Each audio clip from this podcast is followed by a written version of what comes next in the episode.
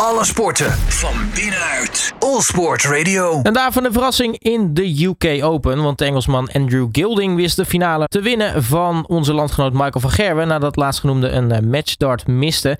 We gaan uh, terugblikken op het toernooi. En uh, we mogen toch wel zeggen een thriller van een finale. Dat gaan we doen met Jacques Nieuwlaat van Viaplay. Jacques, hele goedemiddag.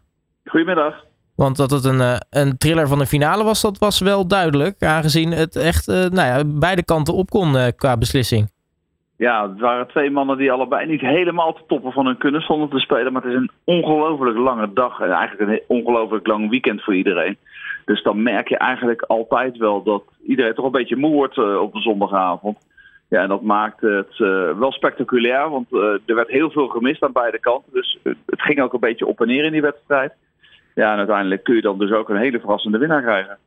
Voordat we echt terug gaan blikken op die finale. Uh, hoe was het eigenlijk uh, deze, dit, dit weekend voor de rest eigenlijk? Want ja, nou, we spraken elkaar uh, nou, vrijdagmiddag natuurlijk in de uitzending vlak voordat het losging met die eerste vier rondes die in één keer tegelijkertijd gespeeld worden. Kortom, heel veel wedstrijden, een ontzettend druk schema. Maar hoe is het ja, vanaf dat moment eigenlijk gegaan? Nou, eigenlijk in die eerste rondes, die vrijdagmiddag, waar normaal gesproken uh, best wel veel verrassingen zitten, er zaten niet zoveel verrassingen in. En in de vrijdagavond ook niet. Bijna alle geplaatste spelers die kwamen gewoon veilig die eerste ronde door. En dan ja, denk je bijna al van, nou, dit wordt een saaie editie uh, van de UK Open. Er is niet zoveel aan, uh, er gebeurt niks. Ja, dan komt zaterdag en dan ineens links en rechts vlogen alle favorieten er zo'n beetje uit ja, dat was echt een spectaculaire dag die, die zaterdag. En dan zie je toch dat de UK Open, uh, omdat iedereen in principe die een tourkaart heeft eraan mee mag doen en dat er ook nog een aantal qualifiers bij zitten, dat het toch gewoon heel onvoorspelbaar is wat er gebeurt. Ja, dat, zie je dus maar met uh, een, een, finale plaats en dus winst voor, voor, voor Andrew Gilding. Wat, wat voor een darter is dat eigenlijk? Want het, het is zijn eerste televisietitel. Ja, het is, het is een, uh, een beetje een speler in de mars, als ik heel eerlijk ben. Hij, af en toe eens in de zoveel tijd kom je hem tegen in de uitslag. En dan haalt hij een kwartfinale of een halve finale. En een hele enkele keer haalt hij ook een finale. Maar winnen doet hij eigenlijk nooit. Uh, het is een beetje een cultfiguur ook. Hij, hij is heel erg op zichzelf. En dan zie je hem altijd uh, rondlopen op die toernooi met een hele grote koptelefoon op. En daar draait hij dan audioboeken op over psychologie, zover ik mag begrijpen. Ja, het is een hele aparte man. Hij is altijd alleen, nooit met een ander. En ineens is hij daar. En, en vanuit het niets, dus echt vanuit het niets deze keer. Nee, je merkt ook wel echt aan het publiek. Eh, op het moment dat die, uh, die winnaar de dart binnengooide, die, die gingen helemaal los. Ja, uiteindelijk is het publiek natuurlijk altijd voor de underdog in zo'n finale. Totdat echt duidelijk is dat, de, dat hè, de, de favoriet toch gaat winnen. Dan, dan draaien ze meestal wel om, uh, als een blad dan een boom. En dan gaan ze, ze willen toch wat te juichen hebben. Nou, ze hebben, in die finale hebben ze zeker Andrew Gilding proberen te steunen. Zonder overigens Van Gerwen in de, war te zitten, in de weg te zitten. Want dat was niet het geval. Ja, het is toch. Je, je wilt toch dat het onbekende wint dan, hè, als je in het publiek zit. Het is toch een beetje David tegen Goliath. Nou, Van Gerwen die uh, liet dan de kans op een uh, matchdart liggen. Uh, had jij toen al het idee, toen hij die dubbel 16 miste en nou ja, Gilding eigenlijk alleen maar tops overhield, nou ja, dat hij dan toch de kant van Gilding op zou gaan? Ja, ik moet heel eerlijk zeggen, eigenlijk tot, tot de ene laatste lek dacht ik, uit Van Gerwen gaat het gewoon winnen. Ondanks het feit dat het heel dicht bij elkaar zat. En ondanks het feit dat Van Gerwen heel veel kansen liet liggen, dacht ik toch van, nou ja, uiteindelijk zal hij hem onder druk, pakt hij hem wel. Maar eerlijk is eerlijk, Van Gerwen mocht aan de laatste lek beginnen. Het was ook echt de laatste lek van de wedstrijd, want we gingen niet verder. En Gilding presteerde in die laatste lek beter dan Van Gerwen. Gooide een 180 in die lek, creëerde zichzelf zo de kans. Van Gerwen kreeg dan ook nog een kansje, één pijltje voor de dubbel. Maar ja, de hele finale werkte dat eigenlijk niet bij Van Gerwen. Dat hij dat soort finishes uitgooide. Ja, het paste ook wel een klein beetje in de wedstrijd, dus dat hij hem niet uitgooide.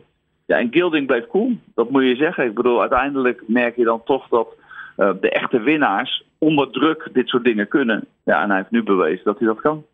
En uh, hij pakt gelijk, uh, denk ik, zijn grootste overwinning uit zijn carrière. Oh ja, by far. By far. En de grootste check ook uit zijn carrière natuurlijk. Hij wint 110.000 Britse ponden. Hij is nog nooit in de buurt ook maar geweest van zo'n check. Betekent denk ik ook wel dat hij dan stijgt op de, de Order of Merit, of dat niet? Ja, klopt inderdaad. Hij gaat naar plek 25 op de Order of Merit toe. Dus komt de top 32 binnen. Ja, en met dit soort toernooien kun je echt reuze stappen maken. Want de meeste vloertoernooien is, nou ja, 10.000 pond, 12.000 pond te verdienen. maar hier kun je er natuurlijk ineens 110.000 pakken. Ja, dan gaat het heel hard op de wereldranglijst. Want die gaat niet op punten, maar die gaat op prijzengeld. Nou, en als je dan in zo'n top 32 staat, betekent dat voor Gilding dat hij ook wat leukere dingen kan verwachten gelijk dit jaar? Nou ja, hij krijgt de top 32 doet automatisch mee aan het WK. Is ook vrij voor de eerste ronde van het WK. Dus dat is al een bonus die je krijgt. En als je de finale van een uh, groot televisietoernooi haalt, mag je ook automatisch meedoen aan de Grand Slam of Darts. Die in november is. Dus daar mag Gilding ook aan meedoen. En daar kan hij natuurlijk ook alweer een check voor startgeld toucheren. Dus buiten dat hij die 110.000 pond uh, verdient, verdient hij denk ik ook zo nog maar 20, 30.000 pond in startgeld links en rechts. Dus kortom, dit gaat er voor hem een heel leuk jaar worden. Ja, twee jaar, hè? want het geld blijft twee jaar op je ranking staan. Dus je, je kunt er echt twee jaar plezier van hebben. Staat nu in die top 32, kan enigszins rustig de aankomende toernooien ingaan. Heeft geen druk wat dat betreft. En vaak zie je dat spelers dan ook niet alleen de UK Open winnen, of in dit geval de UK Open winnen, maar dat ze daarna ook nog een paar goede prestaties leveren. En dan kunnen ze dat eigenlijk nog een beetje uitsmeren over nou, een paar maanden. En dan kun je je positie op de wereldranglijst natuurlijk nog wat meer verbeteren. Nou, daar was ik eigenlijk inderdaad wel benieuwd naar. Eh, kunnen we nu in uh, ja, de, de, loop van de tijd uh, meer van, van Gilding gaan verwachten? Gaan we hem nu vaker zien? Ja, ik, ik vind het heel moeilijk te voorspellen. Het is, omdat hij al zo lang meeloopt, het is niet iemand die net komt kijken. Dan zou ik zeggen, ja, let op deze man, want die gaat nog meer grote dingen doen. Maar ik denk dat hij al 10, 15 jaar meeloopt in, de, in, de, in, in het circuit. En af en toe zien hem wel leuke dingen doen, maar nooit heel erg constant.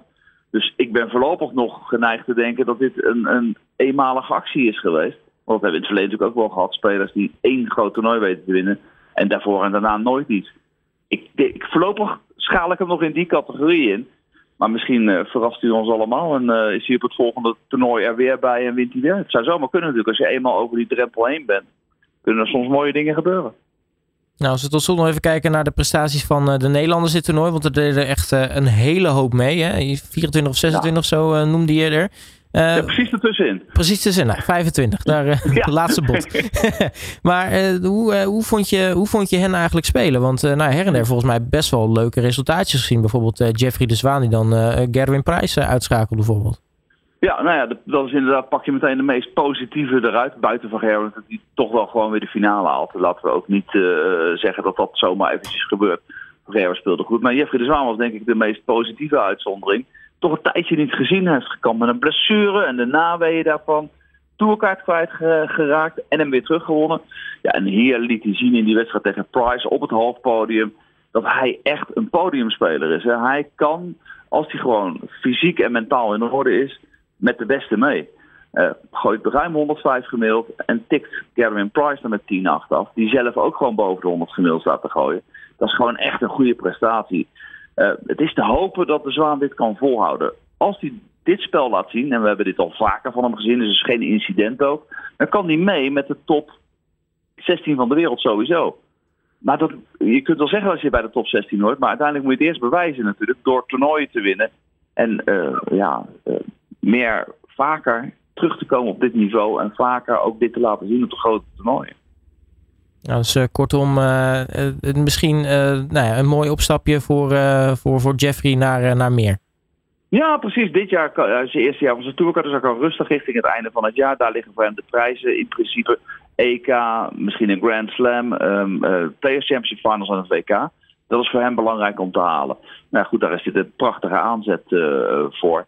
En hij was niet de enige die goed speelde, moet ik zeggen. Want uh, we hadden ook Martijn Kleermaker, die uh, een, moeilijke periode achter de rug heeft. Die uh, de laatste 32 weet te halen. Daarin verliest hij dan weliswaar van Van Gerwen. Maar dan zeggen we, dat is geen schande.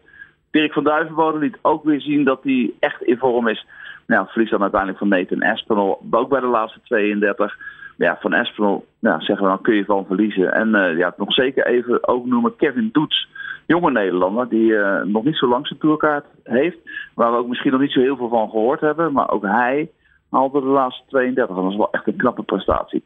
Nou, hartstikke mooi. Uh, Jacques Nieuwlaat, mag ik je hartelijk danken voor uh, je tijd, voor de terugblik op de UK Open. En dan spreken we natuurlijk snel, want wanneer is de eerstvolgende? Ja, we hoeven niet lang te wachten. Donderdag gaan we gewoon weer verder met de Premier League. Hè. Iedere donderdag tot eind mei is die Premier League daar. Dus je hoeft me nooit lang te missen. Kijk, hartstikke mooi. Jacques Nieuwlaat, dankjewel voor je tijd en eh, spreek je snel. Is goed, hoi hoi. Alle sporten van binnenuit. All Sport Radio.